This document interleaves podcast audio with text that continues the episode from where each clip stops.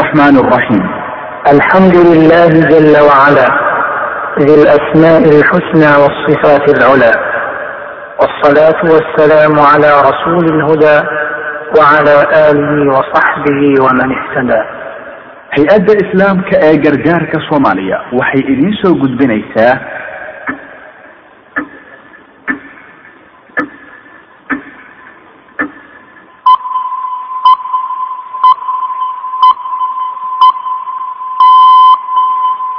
dhambaallo taxana ah.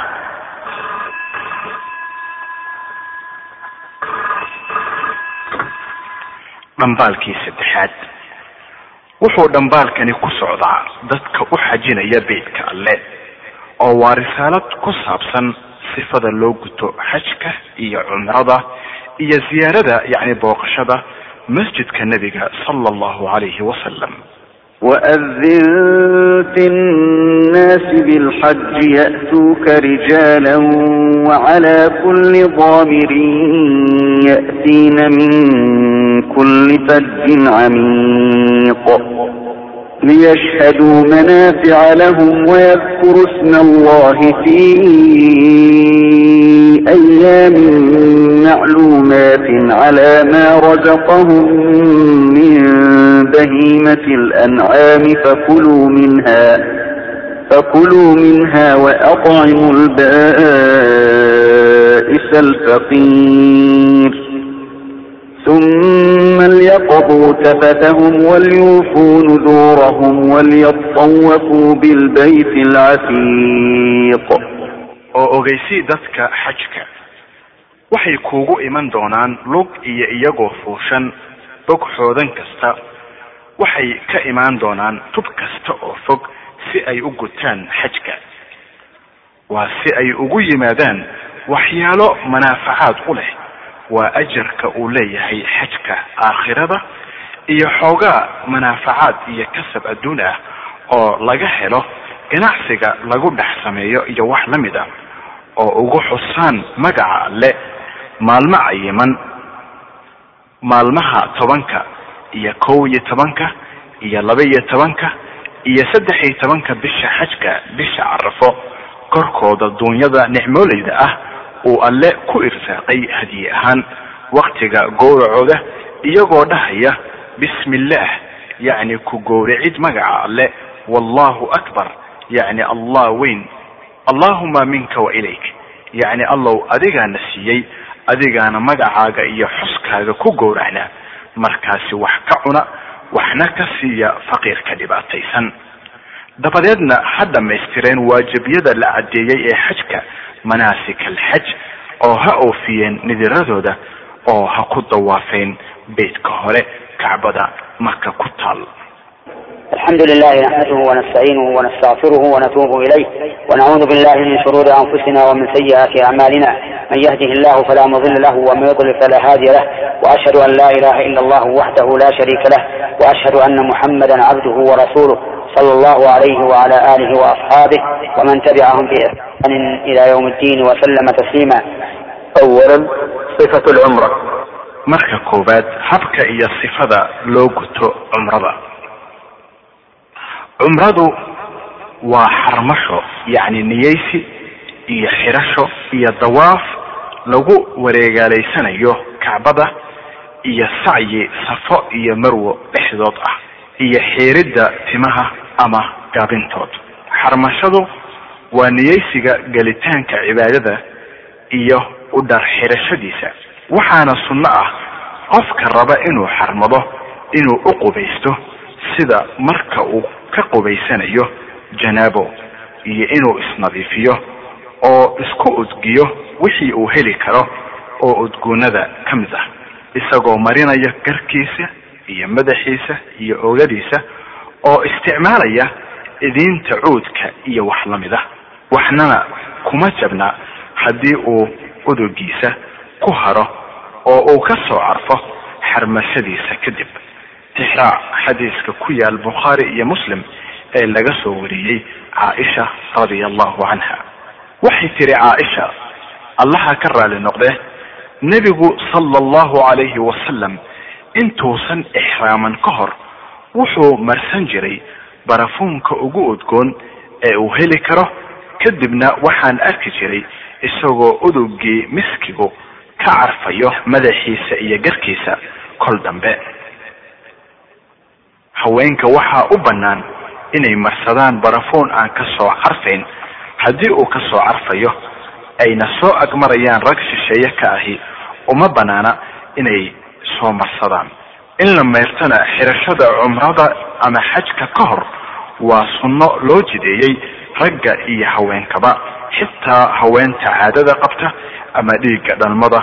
Waayo nebigu sala allahu calayhi wasalam wuxuu amray asmaa bintu cumays xaaskii abubakar markii ay ku dhashay moxamed bin abubakar dalxulayfa xajkii sagootiga wuxuu nebigu sala allahu calayhi wasalam ku yidhi iyada inta qubaysatid oo iscufaysid iska xarmo yacni xajka xiro. Muslim baa soo wariyey oo ka soo wariyey xadiiskan jaabir bin cabdullah radia allahu canhu kadib markii uu qofku qubaysto oo is-udgiyo wuxuu labisan dharkii ixraamka. Oo raggu waxay qaadan laba go oo midi hoos gunti ahaan ka dhigto iyo hu korka sare ah. Haweenkase waxay ku ixraaman oo labisan dharkii ay doonaan iyadoo iska dhowraysa inay muujiso quruxdeeda oo soo bandhigto. Kadib qofku waa uu tukanayaa waxaan ahayn haweenta dhiigga caadada qabta ama dhiigga dhalmada. Wuxuu tukan salaadii faralka haddii la joogo wakti salaad faral. Ama wuxuu qofku tukan laba ragcadood oo uu u niyeysanayo sunnada weesada qofku markuu salaada bogo oo ka baxo wuu xarman yacni xiran cumro. Markuu meeqaadkiisa soo gaadho isagoo odhanaya labayk cumra. Labayk allahuma labayk labayka laa shariika laka labayk ina alxamda walnicmata laka walmulk laa shariika lak ducadaas oo macnaheedu yahay kuu okobani allow kuu okobani oo kuu okobani cidna kuu shariik yeeli maayo. Adaan kuu okobanahay mahadaha iyo ammaanaha iyo nicmadaha iyo mulkigoo dhan adigaa leh oo ay ku ahaatay oo ma lihid wax shariik ah. Okobanaantu waa maqalka iyo dheganuglaanta iyo daacadnimada iyo diidma la'aan iyo mudeecnimo iyo ogolaan iyo uhogaansanaan allah jala wacala.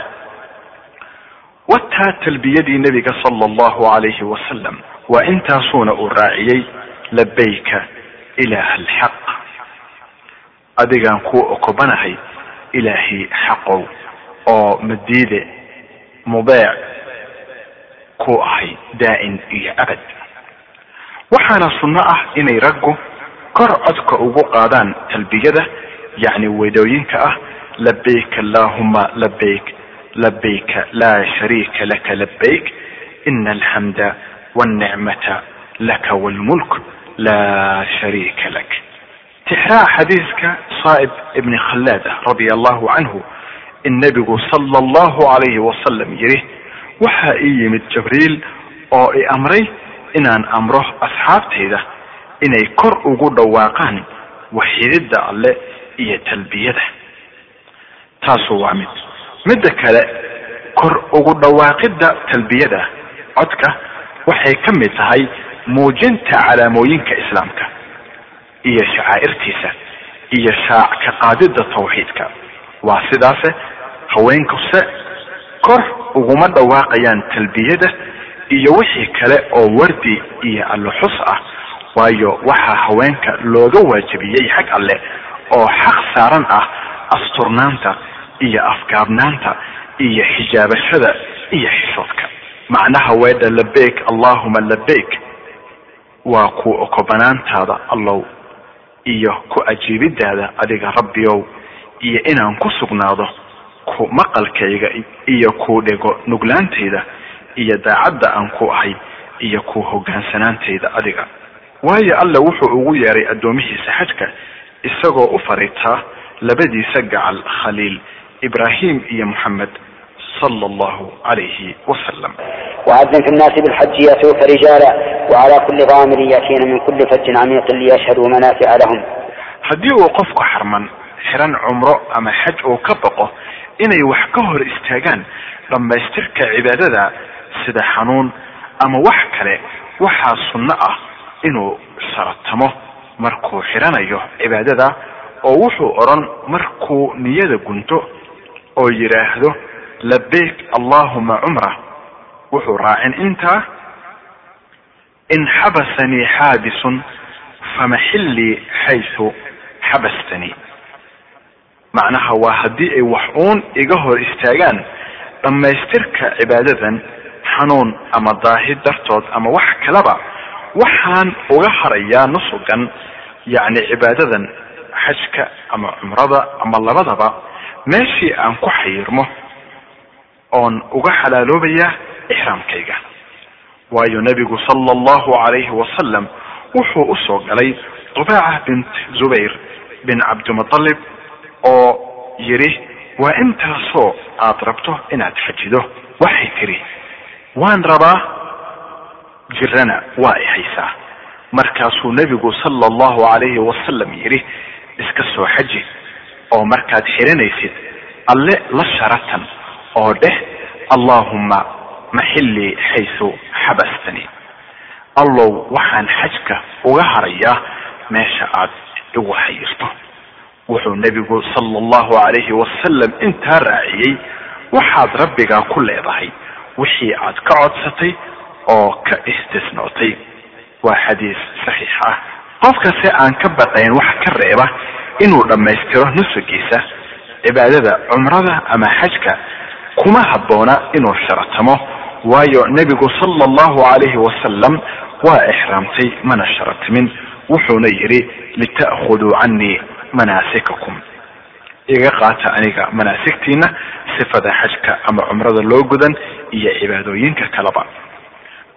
Mana uusan amrin qof kasta inuu sharatamo oo kama dhigintaa arrin guud ee wuxuu amray dubaacata binta zubayr inay jirineed darteed iyo cabsida ay ka qabtay inay kari weydo inay taam yeesho nusugteeda cumrada ama xajka ama labadaba waxaana loo baahan yahay qofka ixraaman yacni xiran cumro ama xaj ama labadaba inuu badiyo talbiyada. Waa qowlka labayk allahuma labayk labayka laa shariika laka labayk ina alxamda walnicmata laka walmulk laa shariika lak. Waayo waa calaamad oraaxeedka nusuga gaar ahaan waxaa habboon inuu qofku badsado talbiyada markii ay xilliyadu isbedelayaan ama xaaladihiisa qofku waxay iska bedelayaan sida marka uu taag korayo ama uu dhul hoobad ah ku deganayo ama marka ay habeenka iyo maalintu isbedelayaan. Wuxuu qofku wadayaa talbiyada cumrada laga soo bilaabo marka uu xirto cumrada ilaa uu ka gelayo dawaafka uu ku wareegaalaysanayo kacbada xajkana wuxuu wadayaa talbiyada laga soo bilaabo marka uu xirto xajka ilaa uu ku dhagax tuurto jamrat alcaqaba maalinta ciidda. Qofku markii uu u dhowaado maka waxaa sunno ah inuu qubaysto haddii ay u fududahay taa waayo nebigu sala allahu calayhi wasalam wuu meyrtay markii uu gelayay maka oo qubaystay cabdullaahi ibni cumarna radia allahu canhuma wuxuu yidhi nebigu sala allahu calayhi wasalam markuu gelaya maka wuxuu ka geli jiray dhinaca kore. Markuu baxayana wuxuu ka bixi jiray dhinaceeda hoose. Bukhaari iyo muslim buu ku yaal xadiiskan. Kolka haddii ay u fududahay xaajiga inuu ka galo meeshii uu ka geli jiray nebiga sala allahu calayhi wasalam oo uu ka baxo meeshii uu ka bixi jiray waa sida sii wanaagsan wuuna iska dhaafi karaa haddii uu doono oo waxba kuma jabnaa marka ha ka galo meeshii uu doono oo ha ka baxo meeshii uu doono. Markii uu qofku gaaro masjidka xaramka wuxuu ku horumarinayaa lugtiisa midig gelidda masjidka isagoo leh bismi illaah waalsalaatu waalsalaamu calaa rasuuli illah allahuma ikfir lii dunuubi waftax lii abwaaba raxmatik. Acuudu billahi alcadiim wbiwajhihi اlkariim wbisulطaanihi اlqadiim min ashayطaani اrajiim taasoo macnaheedu yahay waxaan ku galahayaa magaca alle nabadgelyo iyo naxariisna nabigeenii korkiisa ha ahaato allow ii dembi dhaaf oo ii fur albaabada naxariistaada allow adigaa weyne waxaan ka magan gelayaa wejigaaga sharafta leh iyo boqortooyadaada soo jireenka ah shaydaanka aada naxariistaada ka fogaysay wuxuu ku gelayaa qofku kacbada si khushuuc iyo khuduuc leh iyo weyneyn alle caza wajalla wuxuuna issoo hordhigayaa nicmadda alle ee ku jirta sida uu ugu fududeeyey inuu ku nabad yimaado beytka alle. Kadib wuxuu abbaarayaa kacbada isagoo u jeeda xagga alxajaru alaswad dhagaxa madow si uu u bilaabo dawaafka mana odhanayo nawaytu an atuuf waayo ku dhawaaqidda niyada. Kama sugnaan nebiga sala allahu calayhi wasalam niyaddana maxalkeeda waa qalbiga. Wuxuu qofka ku taabsanayaa dhagaxa madow gacantiisa midig oo dhunkan yacni wuxuu dhunkan dhagaxa madow haddii ay u fududahay taa wuxuu sidaa u yeeli weyneyn uu alle weyneynayo darteed iyo ku dayasho awgeed uu ku dayanayo rasuulkii alle sala allahu calayhi wasalam isagoo aan ictiqaadayn qofka inuu dhagaxu dhib ama dheef cid u hayo waxaa taa leh oo dhib iyo dheef wax gaarsiin kara allah oo keliya caza wajal can amiir almu'miniin cumar ibni khadaab radia allahu canhu wuxuu dhunkan jiray xajarul aswadka dhagaxa madow oo wuxuu odhan jiray xaqiiqdii waan ogahay inaad dhagax tahay oo aadan dhib iyo dheef toonahayn haddiina aan arki lahayn rasuulkii alla sala allahu calayhi wasalam oo ku dhunkanaya kuma aan dhunkadeen haddii ayan u fududeen qofka inuu dhunkada alxajar alaswad dhagaxa madow wuxuu ku taabsan gacantiisa oo dhunkan. Waxaa ku yaal saxiixeynka yani bukhaariga iyo muslimka in ibni cumar radia allahu canhuma ku taabsaday xajarul aswadka gacantiisa oo dabadeed dhunkaday gacantiisa oo wuxuu yidhi kama zuulin inaan sidaas yeelo tan iyo intii aan arkay nebiga sala allahu calayhi wasalam oo sidaa yeelaya. Haddii ayan u fududayn qofka inuu ku taabsado gacantiisa waa inuusan dadka ciriiryin si uusan keyrkii dhib ugu geysan ama isagu dhib u soo gaarin. Iyo in darteed ay tahay meel isku ciriirinta wax qofka ka qaadaya khashuucii la rabay oo wuxuu dawaafka ka saari ujeedadii loo waajibiyey oo ah caabudaada iyo xusidda alle. Waxaana laga yaabaa inuu ka dhashataa khilaaf iyo muran iyo dagaal. Sidaa awgeed qofka waxaa ku filan haddii ay meesha ciriiri tahay inuu isagoo ka fog gacantiisa ku tilmaamo isagoo leh allahu akbar. Ibni cabbaas waxaa laga wariyey in nebiga sala allahu calayhi wasalam ku dawaafay beytka isagoo rakuub fuushan markii uu ku yimaadaba rukniga gacantiisuu ku tilmaamayey. Warin kale waxay leedahay wuxuu ku tilmaamayay shay uu gacanta ku haystay isagoo leh allahu akbar. Kadib wuxuu qofku qaadayaa midigta oo ka yeelayaa kacbada bidixdiisa markiina uu gaaro alrukn alyamani ee xagga yamanta xiga ee ah tiirka ka sokeeya xajarul aswadka. Wuu taabsanayaa haddii ay u fududahay dhunkasho la'aan haddii ayan u fududeen inuu taabsado waa inuusan cidna ciririn oo ka socdaa oo ka tagaa isagoon tilmaamin. Lagamana taabsado beytka waxaan ahayn xajarul aswadka iyo ruknil yamaniga waayo waa aasaasyadii uu dhigay ibrahim calayhi salaam. Nebiguna sala allahu calayhi wasalam ma taabsan waxaan ahayn iyaga. Yacni waxaan ahayn ruknul yamaniga iyo xajarul aswadka. Wuxuuna wariyey imaam axmed oo mujaahid laga soo wariyey in ibni cabbaas la dawaafay mucaawiya markaasuu wuxuu mucaawiya taabsaday rukniyada yacni tiirarka kacbada oo idil wuxuu yidhi ibni cabbaas radia allahu canhuma maxaad u taabsanaysaa labadan tiir? Aan ahayn xajarul aswadka iyo ruknul yamaniga yacni maxaad u taabsanaysaa labada rukni ee xiga xajarul aswadka maadaama uusan rasuulku taabsan jirin. Wuxuu yidhi mucaawiye ma jiro wax beydka ka mid ah oo laga hijroodo. Wuxuu yidhi ibni cabbaas radia allahu canhu allah wuxuu yidhi waxaa idinku sugan rasuulkii alle ku dayasho wanaagsan. Wuxuu yidhi mucaawiye run baad sheegtay. Wuxuuna qofka odhan inta u dhexaysa ruknulyamaaniga iyo xajarul aswadka dhagaxa madow ducadan ah rabbanaa aatinaa fi dunya xasanatan wa fi laakhirati xasanatan waqinaa cadaab annaar taasi oo macnaheedu yahay rabbiyow nagu sii adduunka khayr aakhiradana khayr oo naga kori cadaabta naarta mar kasta oo qofku soo maraa xajarul aswadka wuxuu fali wixii aan horay u soo sheegnay yacni takbiiran oo wuxuu odhan allahu akbar. Inta kale inta uu dawaafayo qofku wuxuu odhan karaa wixii uu doono oo alle xusida iyo akrin qur'aan iyo ducaysi. Waayo waxaa loo yeelay ku dawaafidda kacbada iyo safa iyo marwa iyo dhagax tuurka oogidda xusida alle jalla wacala. Waxaana ragga sunno u ah dawaafkan yacni dawaafka marka u horeysa ee beytka uu soo galo isagoo cumro ama xaj u socda inuu dawaafo isagoo jeeni qaaran iyo in saddexda wareeg ee hore uu rucleeyo afarna socod aayara yacni socodkiisa caadiga ah uu socdo. Itibaaca ama jeeni qaarka waxa weeye inuu qofku muujiyo garabkiisa midig taasi ragga ayay ku kooban tahay oo go-iisa ka yeelo kelihiisa hoostooda labadiisa dacalna garabkiisa bidix.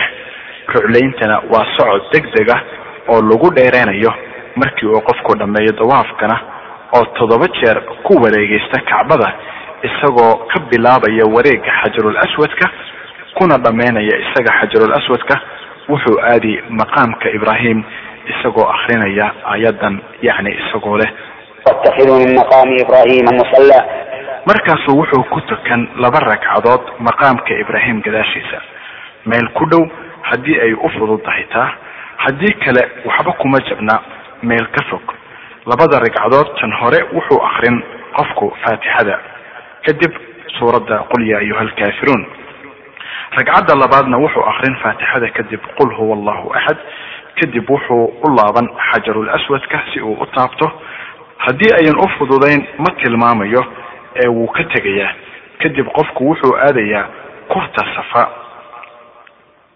Kadib markii qofku ku dhowaado asafa wuxuu akrin aayadan ina asafa walmarwata min shacaa'ir illah wuxuu akrin aayaddaa oo keliya marka ugu horeysa ee uu ku soo dhowaado asafa kolkii uu ka yimaado dawaafka kumana akrinayo wareegyada kale oo dhan.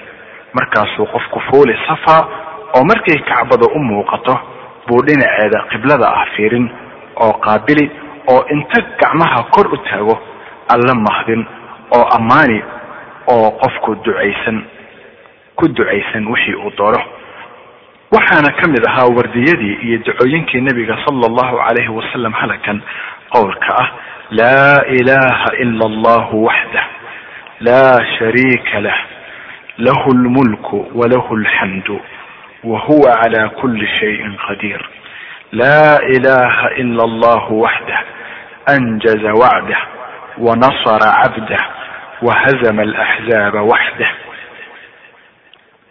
wuxuu ku celcelin ducada saddex jeer oo mid walba iyo tan xigta dhexdood uu ku ducaysanayo ducada ah rabbanaa aatinaa fi dunya xasanatan wa fi laakhirati xasanatan waqinaa cadaab annaar iyo wixii kale oo ducooyin ah uu doono macnaha wardiga iyo weedhaana waxa weeye cidina xaqu ma leh in la caabudo alla keliya ma ahe. Cidna wax lama wadaagto alle shariik ma leh. Alle isagaa leh oo ay u ahaatay mulkiga oo isagaa leh oo ay u ahaatay mahadaha iyo ammaanaha oo dhan. Isagaa wax kasta awood ku dul leh oo karaan badan alle. Cidina xaqu ma leh in la caabudo alla keliya ma ahe ballantiisii wuu oofiyey. Addoonkiisii nebi moxamed sala allahu calayhi wasalam oo u hiiliyey huwantii yani gaaladii la dirirka xaqa isu soo baxaysatayna waa uu jebiyey ducadaa kadib wuxuu qofku ka soo degi safa isagoo caadi u socon ilaa uu soo gaaro tiirka cagaaran. Marka uu soo gaaro waa uu ruclayn qofka ruclayn uu ku dheereynayo intii uu karo haddii ay u fududdahay isagoo aan dhibkaysan ilaa uu ka gaaro tiirka cagaaran ee labaad ruclaynta ragga ayay gaar ku tahay oo dumarka kuma jiraan oo iyagu waa inay xishood iyo xushmad iyo asturnaan muujiyaan. Dabeeto caadi buu qofka u socon ilaa uu ka gaaro marwa. Markaasuu fuulayaa qofka kurta marwa oo u jeensan xagga qiblada oo inta gacmaha kor u taago buu wuxuu ku odhanayaa oo ku ducaysanaya intii oo kale uu ku ducaystay safa. Intaas yacni ka imaanshaha safa iyo imaanshaha marwa waa hal wareeg. Kadib wuxuu ka soo degay qofka kurta marwa isagoo ku socda safa isagoo meelaheeda socodka ah socod ku marahaya meelaha orodka ahna orod iyagoo dumarka ay ku marayaan dhammaan socod caadi ah markii uu gaaro qofku safa ayuu fuuli oo u jeesan qiblada oo inta gacmaha kor u taago oran wixii hore oo kale. Halkaasina waxaa ugu dhammaaday qofka wareegii labaad sacyiga intiisa kale. Wuxuu la imaan wixii uu doono oo alle xus iyo qur'aan akhris iyo duco ah. Markii uu qofku dhammeeyo toddoba wareeg oo safi iyo marwo dhexdood ah safa ilaa iyo marwo waa wareeg. Marwo ilaa iyo safana waa wareeg kale. Markuu toddoba jeer wareego sii socod oo halah iyo soo socod oo wareegii labaad ah wareegyadaana bogo oo sidaa toddoba jeer ku wareegaysto. Yacni markuu qofka toddoba wareeg ku wareegaysto safa iyo marwa dhexdood oo dhammaysto waxay xiirayaan raggu ama gaabin timaha xiriddaana sii fadli badan inuu qofku mutamatac yahay ma ahee yacni qof cumro iyo xaj soo wada xirtay. Xajkiina dhow yahay. Kaasoo kale waxa u wanaagsan inuu gaabiyo si uu xajka u xirto. Haweenkase waxay ka jarayaan timahooda. Labada geesood qadar xubin la eg. Qadar xubin far la eg. Waxaana waajib ku ah ragga in xiridda ay wada koobto timaha oo dhan waayo nebigu sala allahu calayhi wasalam wuxuu xiray timaha oo dhan. Wuxuuna yidhi lita'khuduu canii manaasikakum. Sida oo kale baa la doonay gaabinta inay koobto timaha oo dhan. Sidaa buuna qofku ku dhammaystay cumrada oo kaga baxay xarmashadii bixiddan oo wax waliba oo kaga caaganaataa ugu xalaaloobayaan. Acmaashii cumrada oo kooban kow in loo qubaysto sida ka qubaysashada janaabada oo la isuudgiyo labo xirashada dharkii ixraamka oo ah xagga ragga laba go oo aan tulnayn. Haweenkase waxay xiran wixii ay doonaan oo dharka bannaan ah. Saddex wuxuu qofku ixraaman marka uu marayo ama joogo meesha miiqaadkiisa ah isagoo odhanaya labeyk cumra. La imaanshaha talbiyada waa qowlka labeyk allahuma labeyk iyo wadideeda talbiyada ilaa inta uu qofku ka bilaabayo dawaafka. Afar inuu ku dawaafo kacbada toddoba jeer qofka isagoo ka bilaabaya xajarul aswadka kuna dhammaynaya isaga yacni alxajaru laswad dhagax madow. Shan inuu qofka ku tukado laba ragcadood maqaamka ibraahim dabadi. Lix inuu qofku sacyiyo safa iyo marwa dhexdood todoba wareeg qofka isagoo ku bilaabaya safa kuna dhammaynaya marwa. Safa ilaa marwa waa hal wareeg marwa ilaa safana waa wareeg labaad. Toddoba xiridda timaha ama gaabintood taa waa ragga haweenkana waxay ka jarayaan xubin farla-eg geesaha timaha. Aniyan ifat lxaj tan labaad sifada iyo habka loo guto xajka. Xajku waa shan maalmood oo ka bilaabmaya maalinta sideedaad kuna dhammaanaya maalinta saddex iyo tobanaad. Maalinta sideedaad waxaa la yidhaahdaa yowma tarwiya. Markii maalintaa la gaaro wuxuu ka ixraaman qofkii doonaya inuu xajiyo. Meeshiisa uu ku soo degay haddii uu maka iyo hareeraheeda joogo ama wuxuu ka soo ixraaman miiqaadkiisa mana aha sunno qofka jooga maka iyo hareeraheeda inuu masjidka aado oo ka soo ixraamto.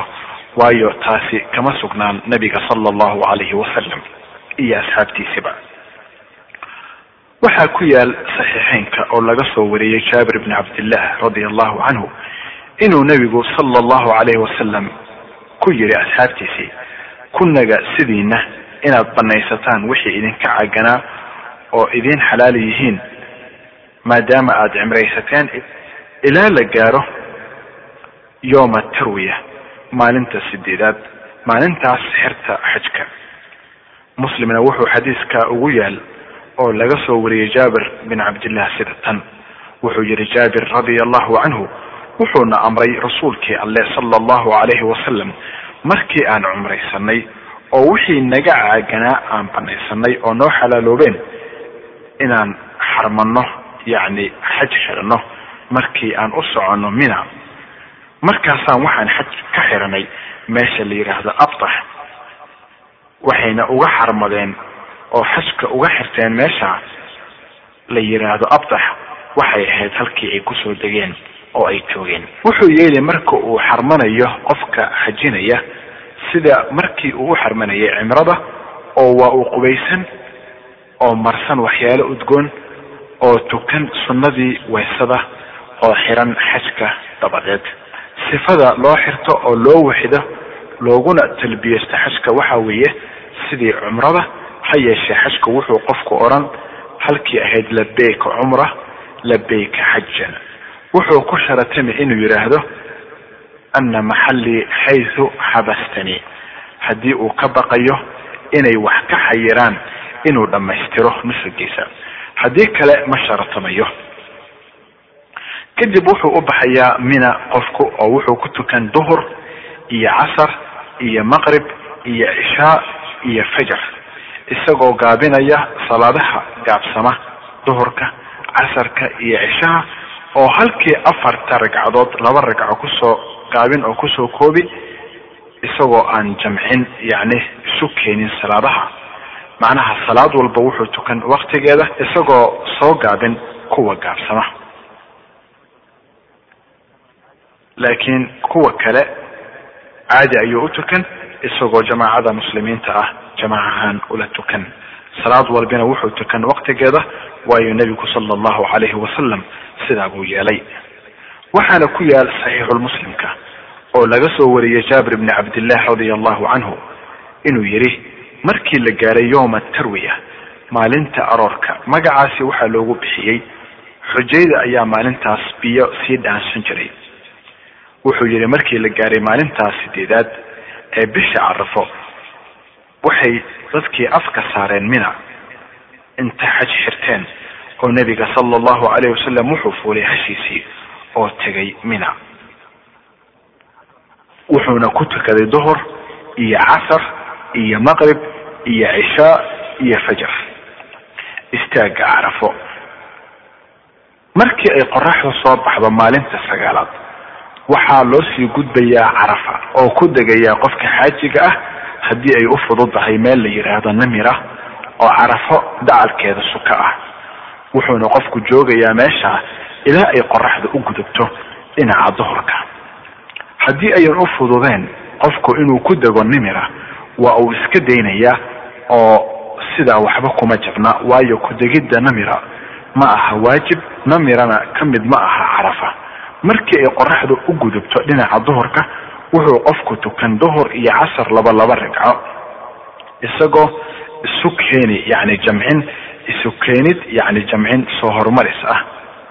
Yani duhurkii ayuu laba ragcadood tukan kadib baa la aqimi kadib baa casarkii la tukan oo laba ragco ah siduu yeelay baa nabiga sala allahu calayhi wasalam waxaa ku yaal saxiixu muslimka oo laga soo wariyey jaabir bin cabdillah radia allahu canhu inuu yidhi wuxuu amray nebiga sala allahu calayhi wasalam in teendho looga dhiso namira. Markaasuu nebigu sala allahu calayhi wasalam soo aaday carafa oo yimid iyadoo teendho looga dhisay namira oo ku sii degay. Markay qoraxdu dhinaca duhurka u gudubtayna nebigu sala allahu calayhi wasalam wuxuu amray in loo soo reeriyeeyo hashiisii qaswaa dhega go-an wuxuuna tegay togga batn alwaadi halkaasuuna dadka ugu khudbeeyey. Dabadeed waa la adimay oo duhurkii baa la tukaday misna inta isla markiiba la aqrimay baa casarkiina la raaciyey. Labada faralna dhexdood nebiga sala allahu calayhi wasalam waxba ma tukan. Dabadeedna inta hashiisii fuulay nebigu sala allahu calayhi wasalam buu yimid fagaaraha carafa ee la istaago.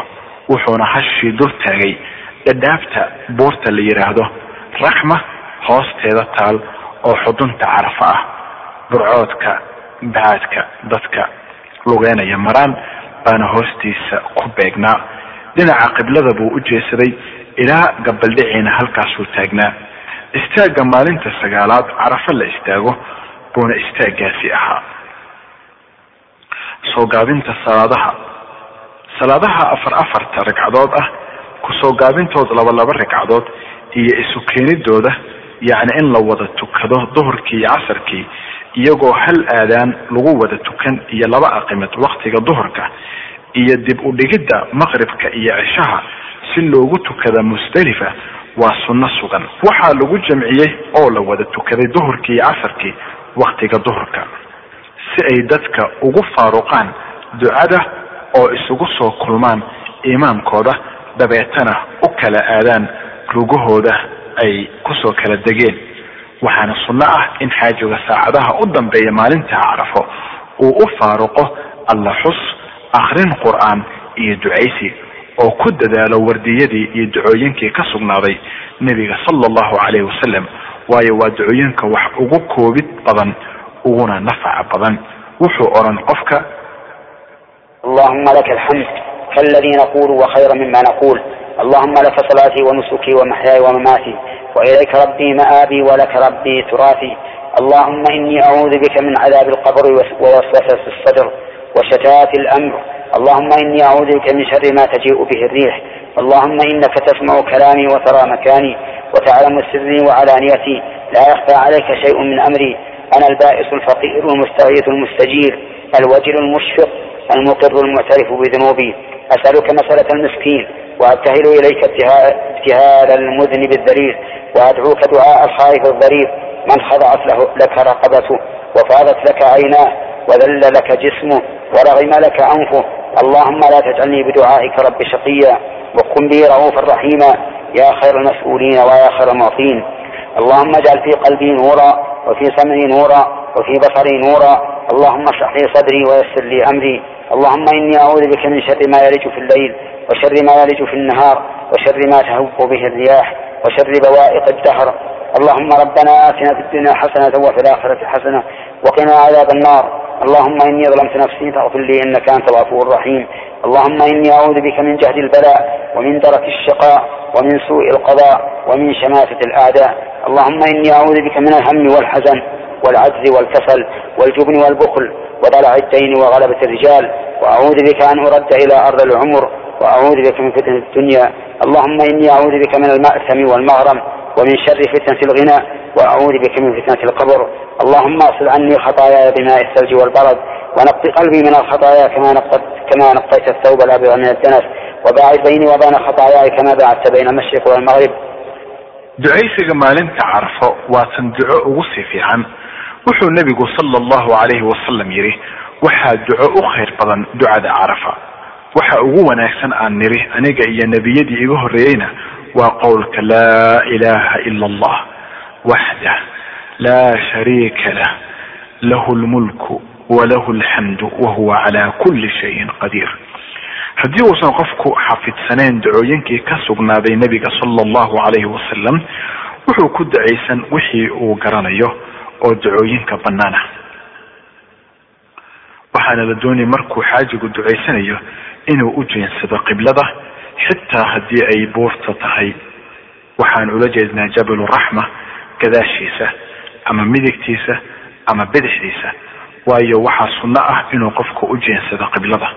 Haddii ay labadiisa gacmood mid naafo tahay ama uu ka buko wuxuu kor u taagay midda fiyow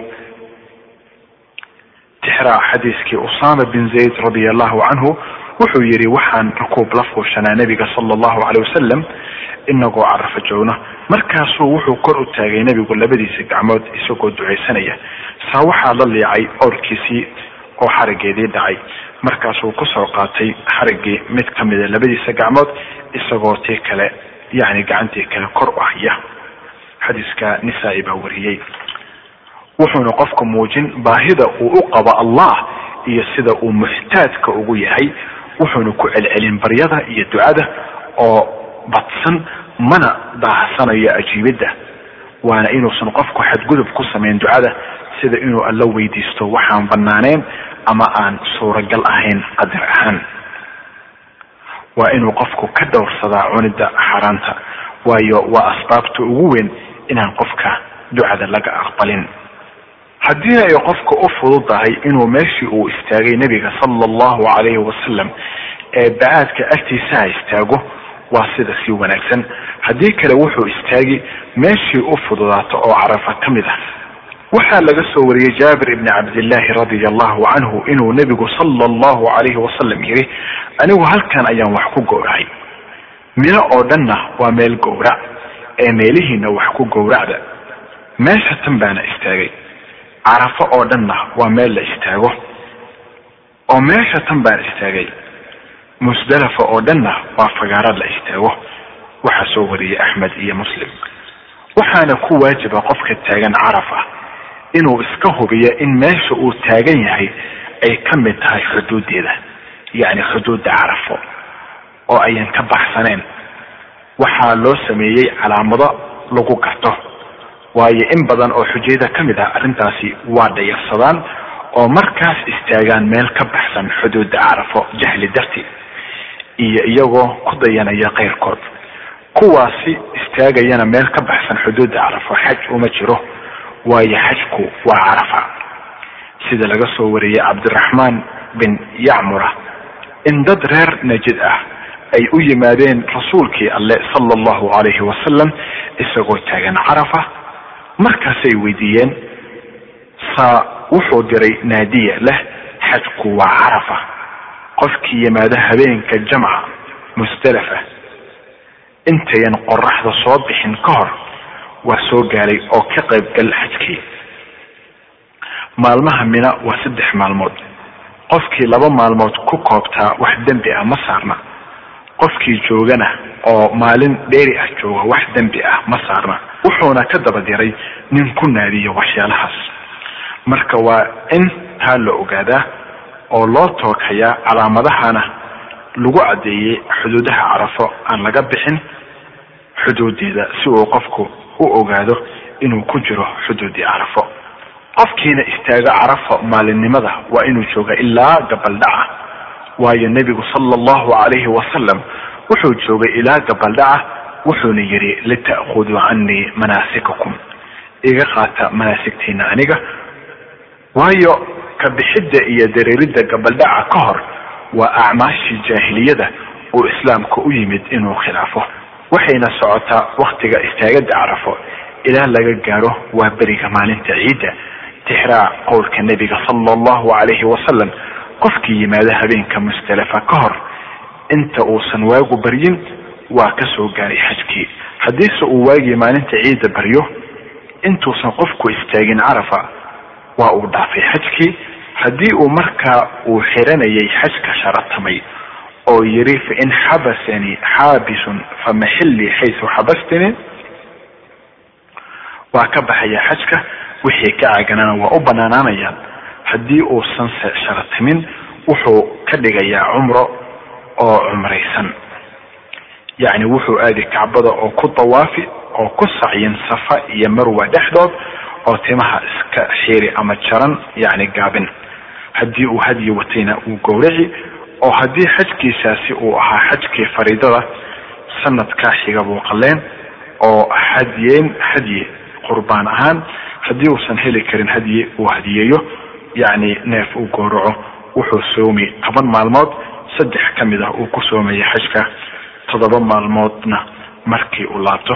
Saddexdaas maalmood uu xajka soomayo waa saddexda maalmood ee ayaamu tashriiq la yidhaahdo ee maalinta ciidda ka dambeysa toddoba maalmoodna markii uu u laabto ehelkiisii. Tixraa sida uu ku soo wariyey alimaam malik muwada ah in cumar bn khadaab radia allahu canhum uu amray abu ayub iyo habara bin aswad markii uu dhaafay xajkii ayay u yimaadeen maalintii gowraca oo wuxuu amray inay isaga xallalaan oo kaga baxaan xajka cumro si ay ugu banaanaato wixii ka caaganaa kadib inay sanadka xiga qalleeyaan oo hibeeyaan hadyi qurbaan ahaan yani neef gowracaan kubariga musdalifa markii uu gabalku dhaco maalinta carafa maalinta sagaalaad ee xajka waxay u kacayaan dadka xujayda ah ee joogay carafa musdalifa oo waxay ku tukanahayaan maqrib iyo cisho. Maqribka waxay tukan saddex ragcadood yani sidii caadiga qof walba u tukan jamaaca ahaan cishahana wuxuu ku soo koobi qofku laba ragcadood. Waxaana sunno ah inuu qofka ku tukado maqribka iyo cisha musdalifa isagoo ku dayanaya nebiga sala allahu calayhi wasalam inuu ka baqa mooyaane inuu waktiga cishaha baxo saq dhexe kadib. Oo waxay ku tukanahayaan maqrib iyo cisho. Maqribka waxay tukan saddex ragcadood yani sidii caadiga buu qof walba u tukan jamaaca ahaan cishahana wuxuu ku soo koobi qofku laba ragcadood. Waxaana sunno ah inuu qofka ku tukado maqribka iyo cisha musdalifa isagoo ku dayanaya nebiga sala allahu calayhi wasalam inuu ka baqa mooyaane inuu waktiga cishaha baxo saq dhexe kadib markaasi waxaa ku waajiba inuu meesha uu joogo ku tukado intuusan waktigeeda bixin. Wuxuu ku hoyan xaajiga musdalifa habeenkaa salaad kale ma tukanayo wax kalena ma sameynayo waayo nebigu sala allahu calayhi wasalam ma sameyn sida. Tixraac xadiiska nebiga sala allahu calayhi wasalam ee ku yaal bukhaariga ee uu wariyey ibnu cumar radia allahu canhuma wuxuu yidhi nebigu sala allahu calayhi wasalam wuxuu ku jamciyey maqribka iyo cishaha musdalifa dhexdoodana iyo dabadood wax sunno ah ma uusan tukan. Jaabirna radia allahu canhu wuxuu yidhi markii qoraxdii dhacday oo caddaankii yaraaday buu nebigu sala allahu calayhi wasalam hashiisii hoggaanka ku soo dhuftay oo dhaqaajiyey iyadoo jeegadeeda reeryada ku dhegan tahay si ay aayar u socoto oo ayan dadka u dardarin isagoo gacanta midig u haadinaya buuna dadka ku lahaa wardadow aayar u socda aayar u socda. Markay buur bacaad ah ku soo aadana hoggaanka ayuu u dabcinaya hashiisa si ay u fuusho sidaasuuna u socday ilaa uu musdalifa gaaray iyaduna maqribkii iyo cishihiiba ku tukaday isagoo jamciyey oo hal adin iyo laba aqim u yeelay. Wax sunno ahna ma uusan tukan markaasuu istuuray oo seexday ilaa oogii ka dilaacay waxaana u bannaan dadka maxasta ah tabarta yar inay ka tagaan musdalifa habeennimada yacni habeenka dulalkiisa dambe ibni cabbaas radia allahu canhu wuxuu yidhi nebigu sala allahu calayhi wasalam wuxuu igu daray dadkii maxasta ahaa yacni tabarta yaraa oo habeennimo laga fasaxay musdalifa si ay inta ay dalaasha tahay muna u sii tagaan oo dhagaxa u sii tuurtaan. Bukhaari iyo muslim buu xadiiskaa ku yaal. Ibni cumarna radia allahu canhuma waxaa laga soo wariyey inuu horay u sii diri jiray maxasta dadka tabarta yar ee ehelkiisa ka mid ah waxay musdalafo joogi jireen habeenka. Waxay xusi jireen alle intii ay doonaan. Kadib waa dareeri jireen. Waxaa ka mid ahaa qaar soo gaari jiray mina salaada subax waktigeeda qaarna kadib. Markii ay yimaadaan waxay tuuran jireen dhagaxa. Wuxuuna ibnu cumar odhan jiray waxaa u baneeyey kuwa kani inay sidaa yeelaan rasuulkii alle sala allahu calayhi wasalam qofkiisa aan ahayn maxas daciif ama qof tabar yar ama aan la socon dad maxas ah. Tabar yar wuxuu joogayaa musdalifa ilaa ooga ka dilaaco isagoo ku dayanaya rasuulkii alle sala allahu calayhi wasalam caaisha radia allahu canha waxay tiri sowda afadii nebiga sala allahu calayhi wasalam baa ka idan weydiisatay rasuulkii alle sala allahu calayhi wasalam habeenkii musdalifa inay horay u sii baxdo ka hor dadka xooga leh qof culus bayna ahayd wuuna ka yeelay. Waana joognay ilnaga ilaa ooga dilaacay markaasaan la baxay rasuulka sala allahu calayhi wasalam markaasaan la baxay rasuulka inaan ka idin qaato rasuulkii alla sala allahu calayhi wasalam sida ay u idin warsatay sowda oo aan ku sii baxo idinkiisa baana ii roonayd. Warin kale waxay leedahay waxaa ii roonaan lahayd inaan ka idin weydiisto rasuulkii allah sala allahu caleyh wasalam sida ay u idin warsatay sawda markuu qofka xaajiga ah ee musdelifo joogo salaada subax tukado wuxuu imanayaa almashcari alxaraam meel isla musdelifo ka mid ah oo wuxuu qofka u jeensan qiblada oo in badan alla weyneyn allahu akbar guri oo waxidi laa ilaaha ila allah guri oo wadi wuxuuna ku ducaysan dabadood wixii uu doono ilaa qoraxdu ka soo dhalaasho. Haddii ayan u fududeen inuu qofku yimaado almashcari alxaraam meeshiisa ayuu ku ducaysan. Tixraac qowlka nabiga sala allahu calayhi wasalam waxaan joogsaday xalakan musdelifa oo dhanna waa meel wada joogsi. Oo dareerka mina iyo ku degiddeeda waxay xujayda ka baxayaan musdelifa inta aysan qoraxdu soo bixin. Markay bogaan ducaysiga iyo alla xuska markii uu xaajigu gaaro mina wuxuu yeeli sidan. Tan koowaad dhagax ku-tuuridda jamrat alcaqaba waana jamradda weyn ee xigta maka dhammaadka minana ah. Wuxuu qaadan xaajiga toddoba quruurax ah oo faniinka laala eg oo wax yar ka weyn xabadda digirta markaasuu tuuri isagoo markuu mid tuuraba tii kalena ka daba tuuraya. Wuxuuna ka tuuri meesha la yidhaahdo badni waadi haddii ay u fududahay. Wuxuuna xijin kacbada bidixdiisa minana midigtiisa. Tixraac xadiiska ibni mascuud ibni mascuud allaha ka raanoqday waxaa laga soo wariyey inuu markuu gaaro jamrada weyn uu xijin jiray kacbada bidixdiisa minana midigtiisa wuxuu ku tuuray toddoba quruurax ah. Wuxuu yihi sidaasoo kale buu u tuurtay rasuulkii alle sala allahu calayhi wasalam ee lagu soo dejiyey suuradda albaqara mana banaana in lagu dhagax tuurto quruurax waaweyn iyo dacas iyo buud. Markiina qofku yani xaajiga uu dhagax tuuranayo wuxuu tuuranayaa isagoo khashuucsan quduursan oo weyneynaya allah caza wajalla mana yeelayo sida ay yeelaan in badan oo makasta ah oo qaylo iyo laqwi iyo aflagaado iyo cayb ah ka dhacda. Waayo tuurista dhagaxyada waxay ka mid yihiin shacaa'irta alle. Qofkiina weyneeya shacaa'irta alle waxay ka mid tahay oo muujin taqwada iyo alla kacabsiga qalbiyada wuxuu yihi nabigeeni sala allahu calayhi wasalam waxaa loo yeelay dawaafka iyo ku sacyiga safa iyo marwa iyo tuurashada dhagxaanta ogidda xusida alla darteed. Mana aha inuu xoog iyo qallafsanaan xajigu ku aado jamaraadka waana inuu ka dhowraa waxyeelo iyo dhibaato walaalihiis muslimiinta. Tan labaad kadib markii uu ku dhagax tuurto jamarada wuxuu gowraci hadyiga haddii uu hadyi neef la yimid ama inta soo iibsado buu gowraci midda saddexaad gowraca hadyiga kadib wuxuu xiirayaa xaajigu timihiisa ama wuu gaabinayaa xiriddaana si wanaagsan waayo allabaa ku hormariyey aayadda oo wuxuu yidhi muxalliqiina ru'uusakum wa muqasiriin iyagoo timaha xiirtay ama jartay yacni gaabsaday. Iyo in darteed nebigu sala allahu calayhi wasalam xiirtay anas radia allahu canhu wuxuu yidhi nebigu sala allahu calayhi wasalam wuxuu yimid mina. Wuxuu aaday jamaraadka oo soo tuurtay kadibna wuxuu ku soo laabtay meeshii uu ka degay mina oo hadyigii gowracay. Kadib wuxuu timijarihii ku yiri xir oo wuxuu tilmaamay dhinaciisa midig. Kadibna bidixda dabeetana siiyey timihiisii dadka muslim baa wariyey iyo in darteed uu nebigu sala allahu calayhi wasalam uu ugu daceeyey naxariis iyo dembi dhaaf kuwa xirtay saddex jeer kuwa timaha gaabsadayna mar keliya. Iyo in xiridda ay ku sii weyn tahay weyneynta alle waayo wuxuu ku hoobin xaajigu dhammaan timaha madaxiisa adeecid alle darteed. Waxaana waajib ah in xiridda ama gaabinta timaha ay wada koobta madaxa oo dhan.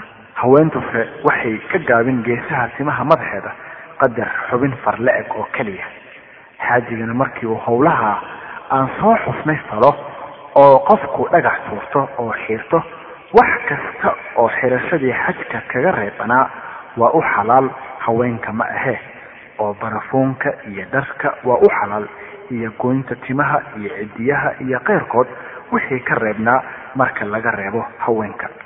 Qofkana kagama xalaaloobaya ixraamka inuu falo waxyaalahaasi oo dhan yacni inuu soo dhagax tuurto xiirto gowraca hadyiga ee haddii uu soo dhagax tuurto maalinta tobanaad oo xiirto ama jarto wax kasta oo kaga reebanaa ixraamka waxay u noqonayaan xalaal ilaa haweenka mooyaane.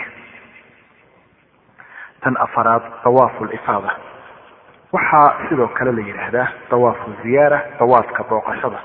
Wuxuu yidhi alla weyne jala wacala uma liyaqduu tafatahum walyuufuu nuduurahum walyatawafuu bilbayt alcatiiq dabadeed ha dhammaystireen waajibaadka la caddeeyey ee xajka manaasik alxaj oo ha oofiyeen midiradooda oo ha ku dawaafeen beedka hore kacbada maka ku taal jaabir radia allahu canhu wuxuu yidhi isagoo ka waramaya sifadii xajka nebiga sala allahu calayhi wasalam wuxuu yidhi jaabir kadib intuu hashiisii fuulay nebigu sala allahu calayhi wasalam buu kacbada aaday duhurkiina makuu ku tukaday. Muslim baa wariyey xadiiskan. Caaishana radia allahu canha waxay tidhi waxaan la xajinay rasuulkii alle sala allahu calayhi wasalam waxaan dawaafnay maalintii gowraca maalinta ciidda maalinta tobanaad ee xajka.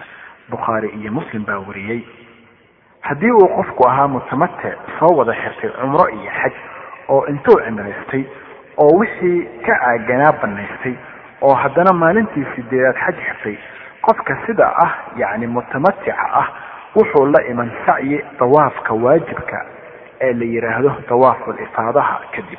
Waayo sacyigiisii hore wuxuu u sacyiyey cumrada darteed. Sidaa awgeed waxaa ku waajib ah inuu sacyigii xajka la yimaado. Caaisha radia allahu canha waxay tidhi waxay la yimaadeen sacyi kuwii wada xirtay cumrada iyo xajka oo ku sacyiyeen safa iyo marwa dhexdood. Kadib waa banaysteen wixii ka caaganaa sababta cumrada iyo xajka. Kadib markii ay xajka gudanayeen waxay sacyiyeen sacyi kale. Kadib waxay ku soo noqdeen mina iyagoo xajkii ku guda jira. Bukhaari iyo muslim baa wariyey. Laakiin kuwii isku daba xiray oo xiriiriyey xajka iyo cumrada oo jamciyey xajka nooca khiraanka waxay sacyiyeen sacyi keliya. Waxay kaloo caaisha radia allahu canha tiri uma dhammaystiro alle xajkiisa iyo cumradiisa qofkii aan sacyin safa iyo marwa dhexdood. Waxaa wariyey bukhaari tacliiqan. Ibni cabaasna radia allahu canhuma wuxuu yidhi dabadeed wuxuuna amray rasuulkii alle sala allahu calayhi wasalam maalintii aroorka yacni yowma tarwiya maalinta sideedaad ee bisha carafo inaan xiranno xaj markii aan bognay manaasigta. Waxaan ku dawaafnay kacbada oo sacyinay safa iyo marwa dhexdooda. Sidaa wuuna ku taam ahaaday xajkayaga waxaana nasaarnaa inaan hadyi loogno yacni neef gowracno. Wuxuu ku sheegay bukhaari xadiiskan waaxda dalika liman lam yakun ahluhu xaadiri lmasjid alxaraam haddiise uu xaajigu mufrid yahay yacni xaj keliya uu xirtay ama qaarin yacni isku daba xirayo cumrada iyo xajka kala go-la-aan haddii uu sacyiyey waktigii imaanshihiisa kacbada markaa mar kale ma sacyinayo. Jaabir radia allahu canhu wuxuu yidhi ma ayan sacyin rasuulkii alle sala allahu calayhi wasalam iyo asxaabtiisii waxaan ahayn sacyi keliya oo ah sacyigii koowaad. Waxaa wariyey muslim.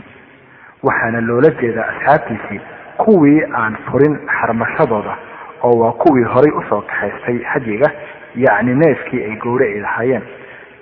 Haddiise xaajiga mufradka ahi yacni xaj keliya ku soo talagalay ama qaarinka kan isku soo xiriirsay cumrada iyo xajka furid la'aan xarmashada horay uusan u sacyin markii hore waxaa ku waajib ah inuu sacyiyo waayo xajku taam noqon mahayo in la sacyiyo ma ahee sidii ay tiriba caaisha radia allahu canha oo aan horay u soo xusnay oo haddii uu dawaafo dawaaful ifaada oo uu u sacyiyey xajkiisa laajligiis horaan ama gadaal dambe dawaafka ifaadaha dabadi haddii uu yahay mufrad ama qaarin waxaa u banaanaanaya wax kasta oo uu kaga caaganaa oo xarmashada xajka darteed oo xalaal u noqon. Waxaana la yidhaahdaa taxallulkan taxallulka labaad taxallulkii koowaad wuxuu ahaa markii uu dhagax tuurtay timahana xiirtay waxaana ugu banaanaaday wax waliba haweenka ma ahee markii uu dawaafo dawaaful ifaada oo uu saciyo haddii uu mutamatic yahay ama mufrid ama qaarin aan horay markii koowaad u sacyin waxaa u banaanaanahaya wixii kasta oo uu kaga caagay xajka xitaa haweenkiisa way u banaanaanayaan. Taxallulkan waxaa la yidhaahdaa taxallulka labaad ama taxallulka kaamilka ah ibnu cumar radia allahu canhuma wuxuu yidhi isagoo ka waramaya sifadii xajka nebiga sala allahu calayhi wasalam wuxuu yidhi oo wuxuu gowracay nebigu hadyigiisii maalintii gowraca oo baxay oo ku soo dawaafay kacbada markaasaa waxaa u banaanaaday wax waliba ee uu kaga caagay xajka liajrigi waxaana fiican in howlaha shanta ah laysugu xijiyo sida tan. Kow inuu qofka ku soo dhagax tuurto jamarada caqaba waa jamrada weyn. Labo inuu gowraco hadyigiisa saddex inuu xirto timaha ama gaabsado. Afar inuu qofka ku soo dawaafo kacbada. Shan inuu qofka ku saciyo safa iyo marwa dhexdooda haddii uu mutamatic ahaa ama mufrid ama qaarin aan la sacyin dawaafkii imaanshaha dawaaf alquduum waayo nebigu sala allahu calayhi wasalam sidaa buu yeelay wuxuuna yidhi lita'khuduu canii manaasikakum haddiise uu qaarkood qaar ka hormariyo waxba kuma jabna ibni cabaas radia allahu canhuma wuxuu yidhi waxaa wax laga weydiiyey nebiga sala allahu calayhi wasalam kala horumarinta gowraca iyo xirashada iyo dhagax tuurashada iyo kala dibdhigidooda wuxuuna yidhi waxba kuma jabna cabdullaahi ibni camar ibn alcaasna wuxuu yidhi nebigu sala allahu calayhi wasalam xajkiisii dambeeyey markaas keliya buuna xajiyey buu meel istaagay markaasay dadku su'aalo weydiiyeen. Nin baa yidhi nebi allow anigu intaan wax gowricin baan xiirtay. Wuxuu yidhi nebigu sala allahu calayhi wasalam waxba dhib ma leh. Saamid kale baa u yimid oo yidhi waxaan dhagax tuurtay intaanan gowricin ka hor. Wuxuu yidhi nebigu sala allahu calayhi wasalam dhibi ma jirto. Oo nin kale baa u yimid oo yidhi waxaan soo dawaafay anoon tuuran wuxuu yidhi dhib ma leh. Maalintaas dhammaan waxyaalihii la kala hormariyey markii la su'aalay nebiga sala allahu calayhi wasalam wuxuu ku jawaabay dhibi ma jirto waxba ma aha waxba kuma jabna. Xadiiska bukhaari iyo muslim baa wariyey xadiisyadan waxay muujin inaysan waajib ahayn howlaha maalinta tobanaadka ah la fuliyo. Dhagax tuurka gowraca iyo xiirashada iyo dawaafka waajibka ah in sida ay yihiin laysugu xijiyo oo ay sunno tahay. Haddii aysan xaajiga u fududaan inuu soo dawaafo dawaafka waajibka ah maalinta ciidda waxaa u bannaan inuu dib dhigo waxaana habboon inaysan la dhaafin maalmaha tashriiqa kow iyo tobanaadka laba iyo tobanaadka iyo saddex iyo tobanaadka. Qofkii aan cudurdaar haysan sida xanuun caado yacni xayl dhiigga dumarka ku dhaca ama nufaas dhiigga dhalmada iyo wax la mid ah. Kuhoyaadka mina iyo dhagax tuurashada maalmaha tashriiqa waa saddexda maalin ee xiga maalinta ciidda. Wuxuu joogayaa xaajiga mina inta ka hartay maalinta ciidda iyo maalmaha tashriiqa iyo habeenadoodaba. Waayo nebigu sala allahu calayhi wasalam wuu joogi jiray mina maalmaha iyo habeenadoodaba waxaana qofka xaajiga ku waajiba inuu u hoyaado yacni baryo mina habeenka kow iyo tobanaad iyo habeenka laba-iyo tobanaad iyo sidoo kale habeenka saddex iyo tobanaad haddii uu joogo. Waayo nebigu sala allahu calayhi wasalam wuu baryey mino gudaheeda habeenada oo yidhi lita'khuduu canii manaasikakum. Waxaana bannaan in laiska daayo kuhoyaadka mina haddii ay dan keento la xiriirta xajka ama xujayda ibnu cumar radia allahu canhuma wuxuu yidhi cabaas bin cabdimutalib allaha ka raali noqday baa nebiga sala allahu calayhi wasalam weydiistay inuu u fasaxo inuu ku hoydo maka habeenada mino la baryo. Si uu xilkiisa waraabinta dadka ah u guto wuuna u fasaxay. Bukhaari iyo muslim baa wariyey. Sida buu nebiga ugu fasaxay inuu ku hoydo maka habeenada mino la baryo. Caasim bin cadiyana allaha ka raali noqday wuxuu yidhi nebigu sala allahu calayhi wasalam wuxuu ka fasaxay geeljarihii uhoyashada mina oo geelooday habeenkii la seexan jireen. Maalintiina dhagax tuurkay u imaan jireen. Maalinta tobanaadka gowraca bay dhagaxa tuuran jireen. Iyo labada maalmood ee ku xiga iyo maalinta u dambeysa ee kala tagga yacni saddex iyo tobanaadka. Wuxuu xaajiga ku soo dhagax tuuri saddexda jamaro maalin kasta oo ka mid ah maalmaha tashriiqa mid walbaa wuxuu ku tuuri toddoba quruuraxood isagoo takbiiranaya yacni leh allahu akbar mid walba marka uu tuurayo. Wuxuuna dhagax tuuran markay qoraxdu ka gudubto duhurka mana tuuranaya ka hor.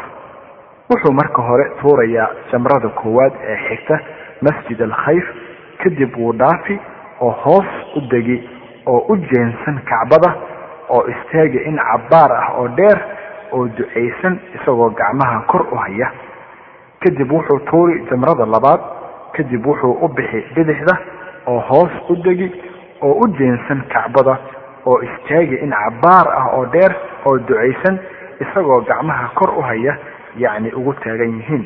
Kadib wuxuu tuuray jamrat alcaqaba jamrada weyn oo ka dhaqaaqay kumana hakanayo.